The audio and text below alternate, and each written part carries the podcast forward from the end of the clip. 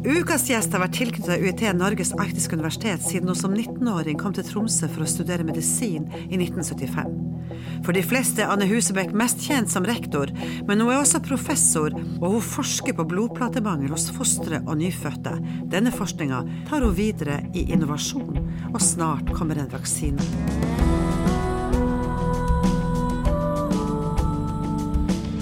Observatoriet en forskningspodkast fra UiT Norges arktiske universitet. Med Geir Hevnskjell Ringvold, mannen som lurer på det meste, og Marit Anne Hauan, som bokstavelig talt lever av fortellinger. Og en ny, spennende forsker hver uke.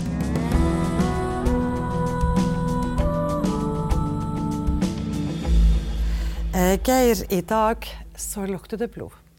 Oi. Ja, det er altså 'Blood, Sweat and Tears' som er tema for oss.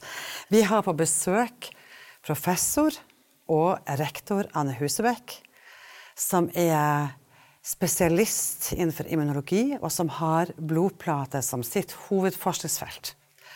Og som også da klarer på et besynderlig vis å få publikasjoner ut på dette feltet mens hun er rektor ved Universitetet i Tromsø. Velkommen, Anne. Takk skal du ha. Storfint besøk, og vi er veldig glad for å ha deg her. Men eh, det vi skal snakke mest om, det er ikke deg som rektor, det er deg som forsker.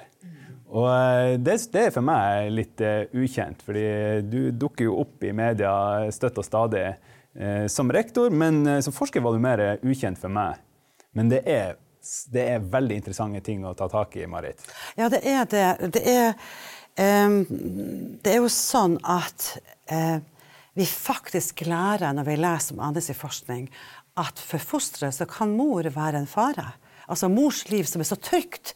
Og som jeg tenker liksom, Når jeg har båret mine barn frem, så har jeg tenkt å, nå har de det bra. Hvordan skal det gå med dem når de kommer ut i verden? Men så kan altså mors liv være en skummel plass. I veldig, selvfølgelig veldig sjelden, men det kan det. Hva er dette her? eh, neonatal alloimmun trombocytopeni. Hva er det for noe? Kan vi snakke om? Ja, Vi snakker om blodplatemangel hos foster og nyfødt.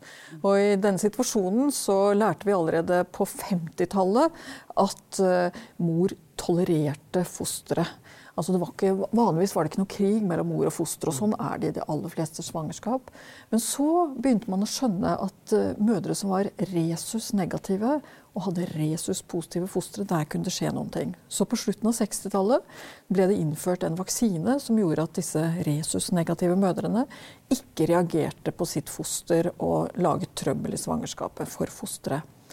Vi har studert det samme når det gjelder blodplater, som er en annen blodcelle. Og hvis man har mangel på blodplater, så blir man utsatt for blødninger. Eh, og disse veldig få fostrene som vi har sett de mest alvorlige konsekvensene for, de har fått blødninger i hjernen. Og de blødningene i hjernen de gir enten eh, fosterdød i mors mage, eller det kan gi alvorlige komplikasjoner som gir livslang funksjonsnedsettelse. Så det trigget oss til å prøve å finne ut hva er det, og hva kan vi gjøre for å forhindre at det skjer. Men hva, hva, altså hvordan kan dere forske på det? Her ligger jo fosteret inne i mors liv. Hvordan, hvordan, gjør man den forskninga? Altså, rent sånn metodisk og ja, Det er ganske enkelt, skjønner du, for det er en blodprøve av mor som er eh, instrumentell i denne sammenheng. Så vi tar en blodprøve av mor, og det blir tatt i alle svangerskap. Det husker du sikkert selv. Eh, og I den kan vi gjøre en blodplatetyping. Og 2% av mødrene blir da identifisert som risikomødre. Dvs. Si at de i noen sjeldne tilfeller kan lage et antistoff som krysser over morkaken, og som angriper fosterets blodplater. De forsvinner, og barnet får få blodplater og blir utsatt for blødninger. Men ser du, Er det mikroskopet? Sitter du og ser på blodprøvene i mikroskopet? eller vasker du dem, eller fryser du dem ned? Eller? Nei, dette er analyser som gjøres delvis på genetisk basis, eh, eller at vi kan rett og slett eh, gjøre analyser på blodplatene. De er ikke så veldig små, du må se på dem med mikroskop, men det er godt mulig å jobbe med blodplater i forskjellige typer instrumenter. Så den diagnostikken som ligger til grunn, den er, den er ganske enkel. I Tromsø gjøres den på nasjonal basis, og vi har fått et sånn nasjonalt kompetansesenter for det. Så Så det er ikke noe hokus pokus-diagnostikken. Men det som er vanskelig, det er å vite hvor alvorlig fosteret er angrepet. Fordi det er mye vanskeligere å ta blodprøve av fosteret, og hvis man gjør det, så kan man gjøre hele situasjonen verre. For det går an å stikke inn i de årene som fører fra morkaken og inn i fosteret. Men hvis fosteret har blødningstendens, så vil et sånt stikk kunne få veldig alvorlige konsekvenser. Så det, det ble gjort tidligere, det gjøres ikke mer.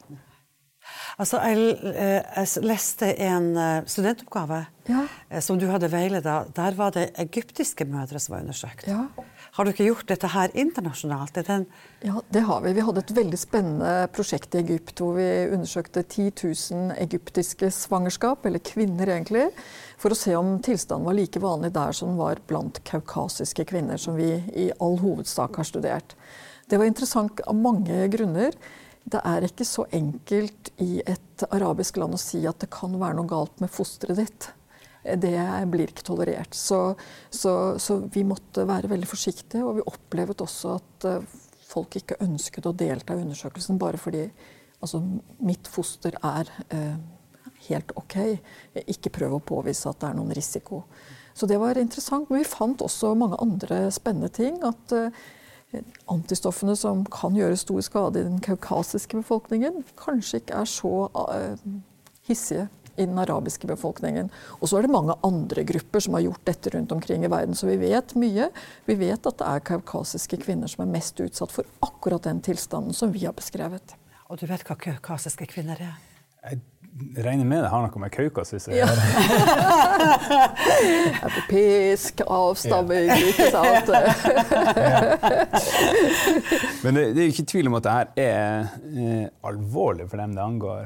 Og eh, stemmer det at det er mellom 10 og 12 barn hvert år i Norge som eh, får enten hjerneskader eller dør som følge av de her eh, Rett og slett at, det, at det mor støter fra seg eh, egenskapene som blodplatene til sitt avkom har. Ja. ja. nå er det, Vi vet jo på et aggregert nivå eh, hvor mange det er. Altså, det er 2% som er i risiko, og det er kanskje sånn ca. 10% av de dette, dette, angriper. Men fordi Norge har ikke noe, ingen land i verden har innført noen sånn generell undersøkelse i svangerskapet på akkurat dette, så, så, blir ikke disse kvinnene lett identifiserte i Norge.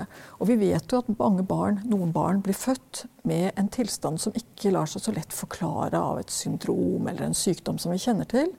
Eh, hvor dette kan være problemet, men det blir aldri identifisert. Og ettersom dette er en egenskap som forfølger kvinnen gjennom svangerskap inn i fremtiden, så mener vi det er absolutt nødvendig å identifisere de kvinnene som har denne egenskapen, som har laget disse antistoffene, sånn at man kan følge opp fremtidige svangerskap mye bedre. Og så er det også en type behandling som, som, ser ut til å bedre tilstanden i fremtidig svangerskap. For det er det som er spennende. ja. Kommer det forkjøpet? det er her vi har stoppet her. Ja. Så, men eh, jeg vil bare først eh, stille et lite spørsmål. Det er at Når barnet er født, er barnet da ute av faresonen? Ja, nå er det sånn at Disse antistoffene som er overført fra moren, de er i barnet den første tiden etter fødselen. Det er på den måten barn er beskyttet mot sykdommer før immunapparatet selv blir særlig modent. Eh, sånn at det er en, en problematikk som, som, varer en stund inn i nyfødtlivet. Men når de først har kommet ut, da kan vi ta blodprøver. Da kan vi gi blodoverføring, kan gi blodplater til barnet. Så da, da eh, kontrollerer vi det.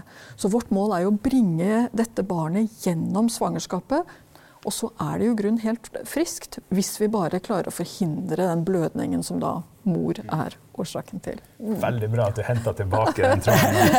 Fordi eh, i 2008 så var du med på å danne et eh, firma, eh, Profylix Pharma AS, som er et firma som samarbeider over landegrenser med mange andre forskningsmiljøer, så vidt jeg har forstått og som har det for å finne en eh, vaksine, eller en slags vaksine, ja. som kan eh, forhindre det her.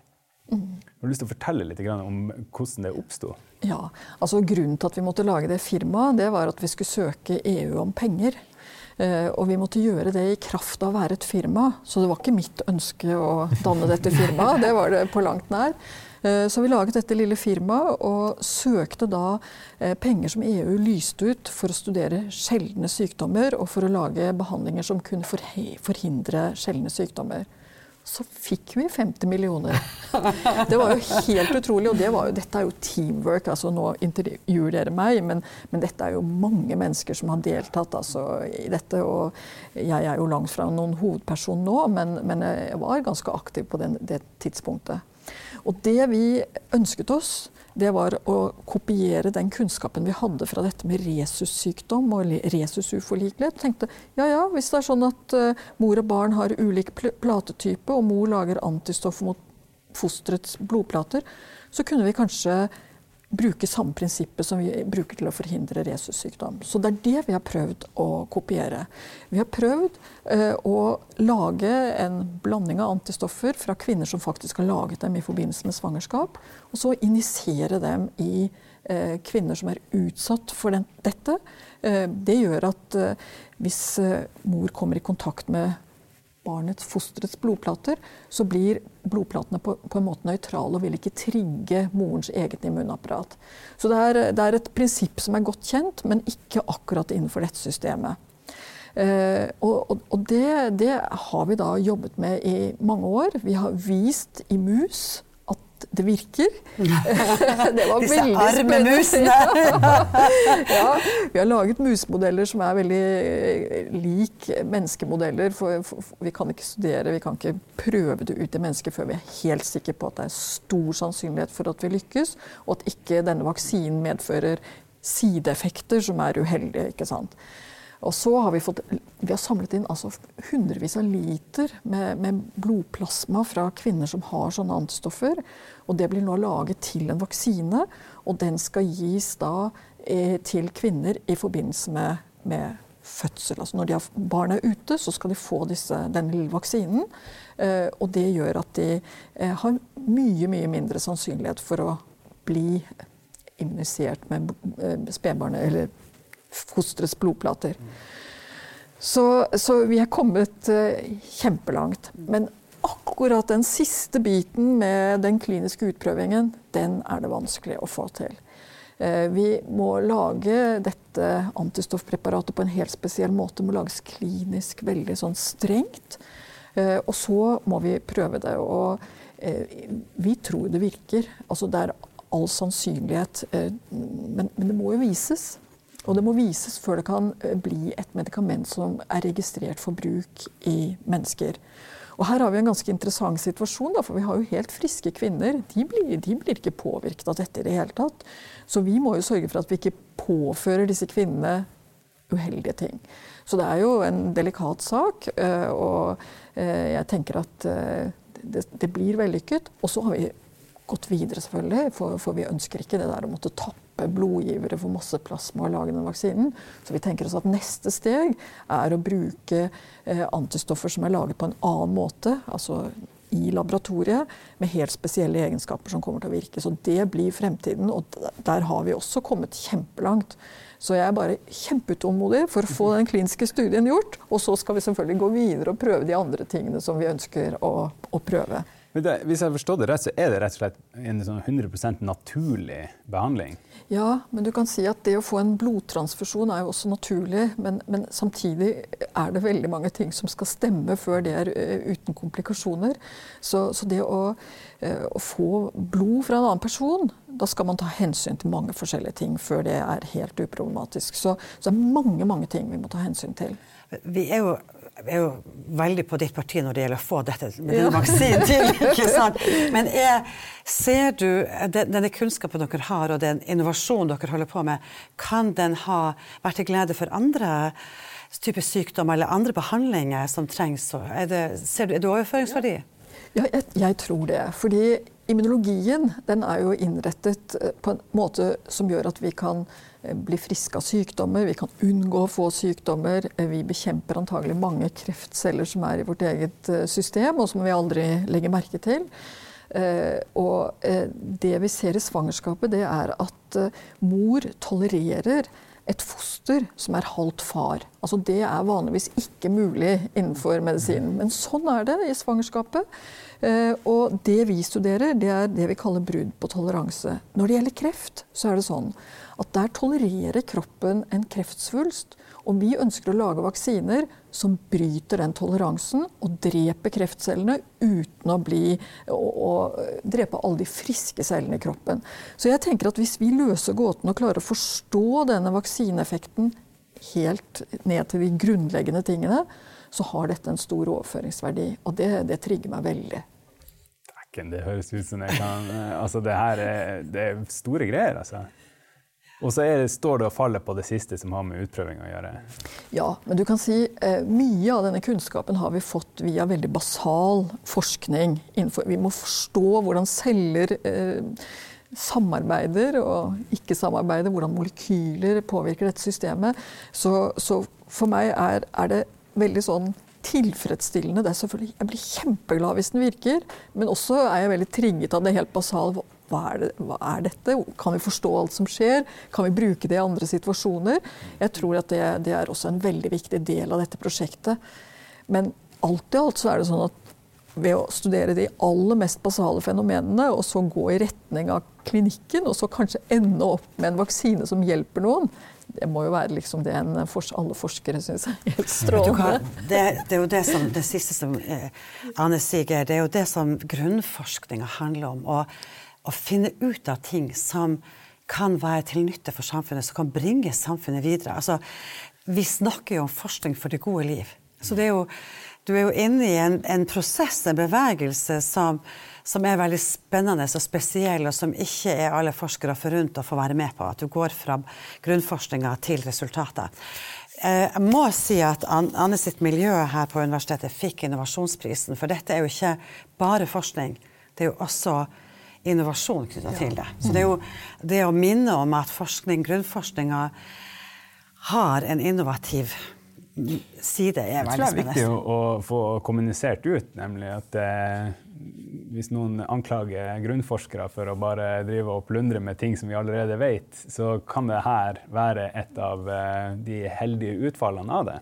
At dere kommer på eh, ideer og forbindelser som eh, er nyttige til F.eks. det du så vidt var inne på nå, løse kreftgåta.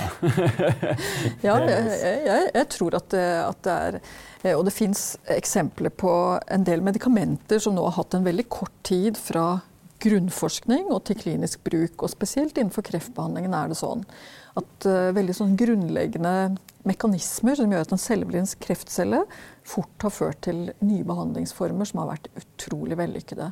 Så, så, jeg tenker at jo mer man skjønner av de helt basale me mekanismene, jo mer kan man både forstå sykdom og komme på god diagnostikk og behandling, som jo er et mål i seg selv. Men uh, det er jo en uh, det er jo en lang vei fra en, et barneskoleliv til å være professor og ekspert. Ja, det vil jeg si. Det er kanskje en av de lengste reisene du må gjøre. Og det har du klart. Ja. Jeg tenker også at det, det, du ender opp med jeg går ikke bort ifra å bruke begrepet blod. ikke sant? For blod er jo min, Jeg er kulturforsker, og hos oss så snakker vi om at blodet er, var veldig lenge, helt opp til moderne tid, så var det symbolet på menneskets sjel. Og når du går tilbake til vikingtida, så farva man jo run rød ja. for at de skulle ha en kraftig utmeldelse. Altså skulle melde blodets alvor. og vi snakker jo om ja, det ligger i blodet. ikke sant? Ja, ja, så kan, hvor jeg, kan fortelle hvordan du kom til å velge denne her. Nei, du kan si jeg hadde vel eh, Jeg har ikke noen tradisjon i familien for akademisk utdannelse. eller noe sånt. Det var ikke noen jeg liksom så opp til i familien som akkurat var det jeg ville bli. Så, så det var et veldig selvstendig standpunkt jeg tok ganske tidlig. Jeg ønsket å bli lege. Jeg ønsket å bli en lege fordi jeg var glad i mennesker, og jeg ønsket at mennesker skulle være, kunne behandles på en ordentlig måte. Eh, og men i løpet av medisinstudiet så, så, ble jeg jo veldig tiltrukket av forskning. Så jeg var, eh, tok et år fri og var forskningsstipendiat, altså sånn studentforsker. Eh, og det var veldig sånn avgjørende for hvordan, hvilke valg jeg gjorde etterpå. Men kanskje Det var litt tilfeldig. Jeg ble forelsket i en mann som gikk på kullet etter meg, og jeg måtte vente på han et år. Og så, og så var det liksom det å finne på noe å gjøre det året. Og, eh, men, men, jeg tror at For meg er den der nysgjerrigheten øh, og den tilfredsstillelsen med å forstå nye koblinger og nye sammenhenger, og, og prøve å tenke ja, hva er det neste, hva er det neste? Eh, så, så, for meg ble det veldig riktig å, å velge forskning. Og dessuten er jeg, en, jeg er sånn, litt sånn følsom natur. Og, og, det å på en måte sitte med pasienter med liksom triste skjebner hele dagen. og Jeg startet i revmatologien, og ingen ble bedre. Alle ble verre. Hver gang jeg så dem, så var det enda verre. Og jeg følte liksom, ah, dette ble virkelig tungt. Uh, og da tenkte jeg kanskje jeg egner meg bedre som forsker. Fordi da kan jeg jo prøve å finne ut av noe av det som er verdt å vite for at disse pasientene skal få et bedre liv. Altså, mennesket er jo en stor kropp. Jo, ja. Du kunne holdt på med hud og hår og tenner og, ja, Hvorfor ble det blod? Ja, hvorfor ble det blod? ja, det... Sånn at du kutta deg i Nei, Nei, altså. Nei da, det var selvfølgelig fordi jeg kom inn i et miljø hvor dette med blodplateforskning var veldig naturlig å, å, satse på. Bjørn Skogen var veldig sånn instrumentell for mitt uh, valg av blodplater. Han, han, startet det opp og har vært veldig sånn viktig person i dette miljøet hele tiden. Og sammen har vi jo hatt en stor gruppe, og har en stor gruppe med unge menn og kvinner som studerer dette veldig, veldig nøyaktig. Så, så eh, alene ville jo jeg bare ikke, bare ikke vært en, et komma i en publikasjon, men sammen ble dette teamet veldig godt. Og det er jo også noe av det jeg elsker, det å jobbe i team. Forsøke å utfordre hverandre og komplettere hverandre og prøve å få til noe større enn noen klarer alene.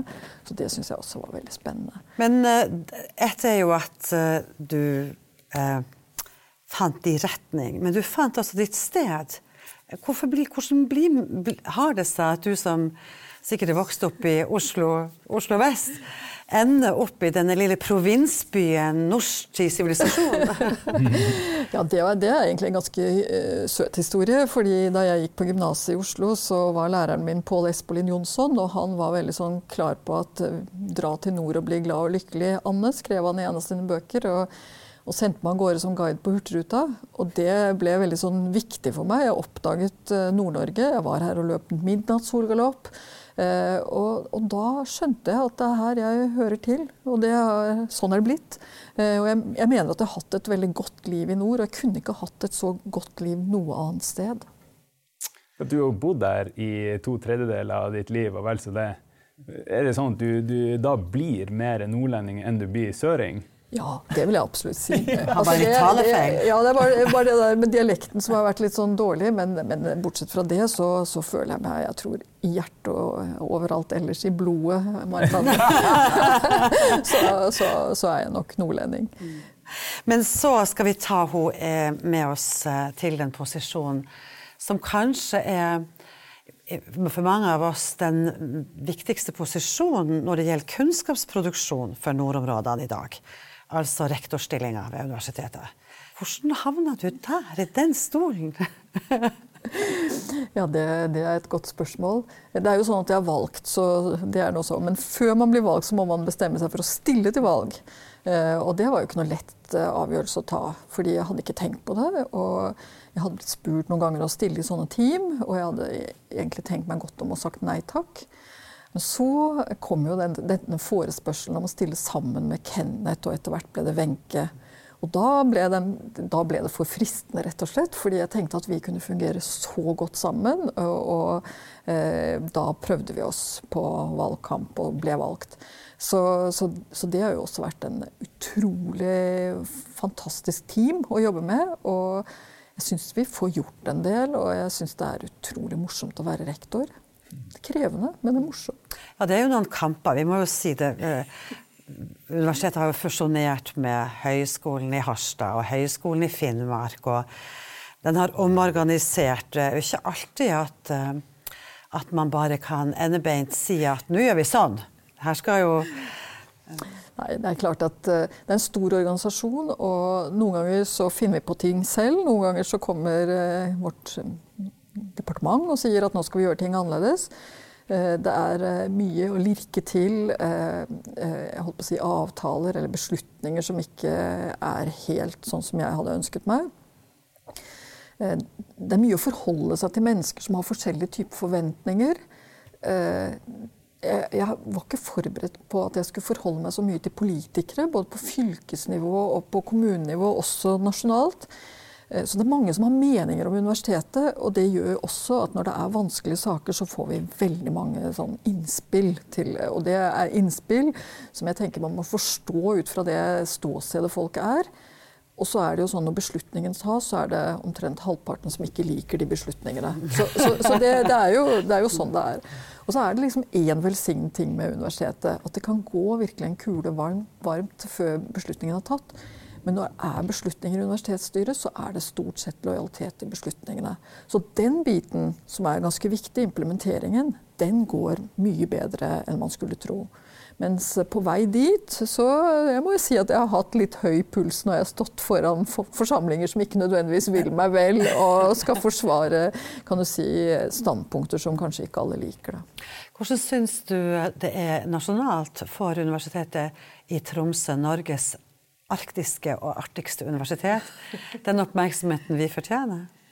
Nei, jeg syns ikke det. Jeg syns at det er altfor mye sånn altså, konkurranse som ikke nødvendigvis går i retning av at Nord-Norge vinner. Eh, jeg syns man må være veldig på hugget. Vi er det universitetet som ligger lengst unna hovedstaden. Og jeg syns i mange situasjoner så tror jeg det foregår veldig mange, mye smalltalk talk på steder hvor vi faktisk ikke er. For det er jo viktig for meg å være i nord. Jeg kan ikke være i sør hele tiden.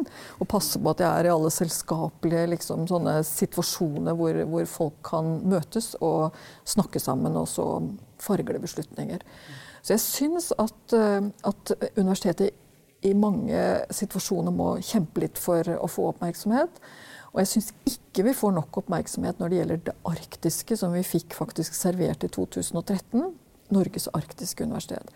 Så mitt mål er jo å få universitetet til å få en mye sånn tydeligere stemme inn mot politikerne, sånn at vår forskning er med på å danne grunnlaget for politiske beslutninger. Der syns jeg det er kjempevanskelig å nå frem.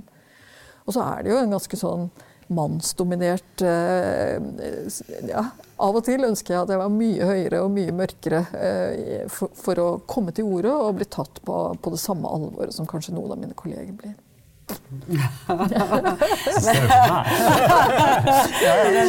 Men det jeg må si Er det noen eh, topper på Kvaløya du ikke har besteget? Ja, det er det. det, er det og det, blir altfor lite av den type ting nå. Så jeg har liksom bestemt meg for at det er noen faser i livet, og jeg håper at eh, etter at jeg er ferdig med å være rektor, at jeg fremdeles har muskler og guts til å gå på de toppene som jeg har lyst til å gå på. Det er ikke nødvendig at det er, det er ikke de bratteste, og det er ikke alle, men, men, jeg har veldig glede av å gå på ski og være i fjellet, være på fjorden, padle kajakk. Og jeg får gjort det for lite nå. Hvilken temperatur er den laveste du har sovet ute i sovepose i? Ja, er i hvert fall minus 40, kanskje litt. Men jeg har også frosset veldig mye, da, så, så det, er ikke bare, det er ikke det at jeg har følt meg god og varm alltid. Nei, men det er det som er. Det er sånn at vi, vi lager jo denne fantastiske podkastserien vår fordi vi har 50-årsjubileum på Universitetet i Tromsø. Gratulerer med jubileet, forresten. Tusen takk, og i like måte. ja, takk, takk. Og hvordan vil Universitetet i Tromsø se ut om 50 år? Ja, jeg har prøvd å tenke over det.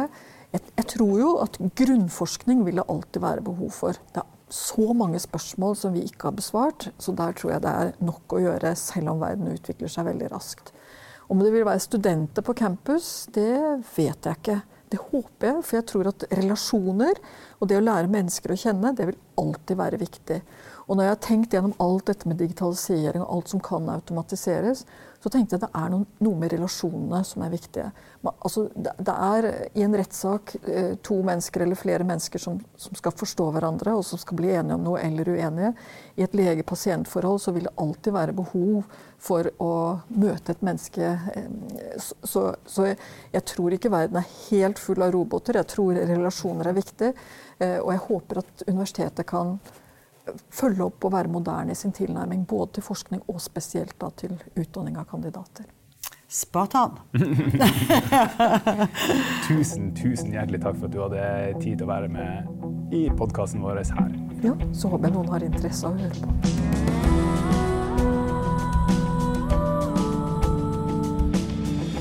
Vil du lese mer om forskninga ved UiT Norges arktiske universitet, kan du gå inn på vår jubileumsside uit.no 50. Der finner du også de andre intervjuene i podkastserien som heter Observatoriet. Du kan også følge oss på Facebook der vi heter Observatoriepodkast, eller abonnere på oss og laste ned episodene på iTunes, Soundcloud og andre podkastapper. Vi høres neste uke med en ny interessant forsker.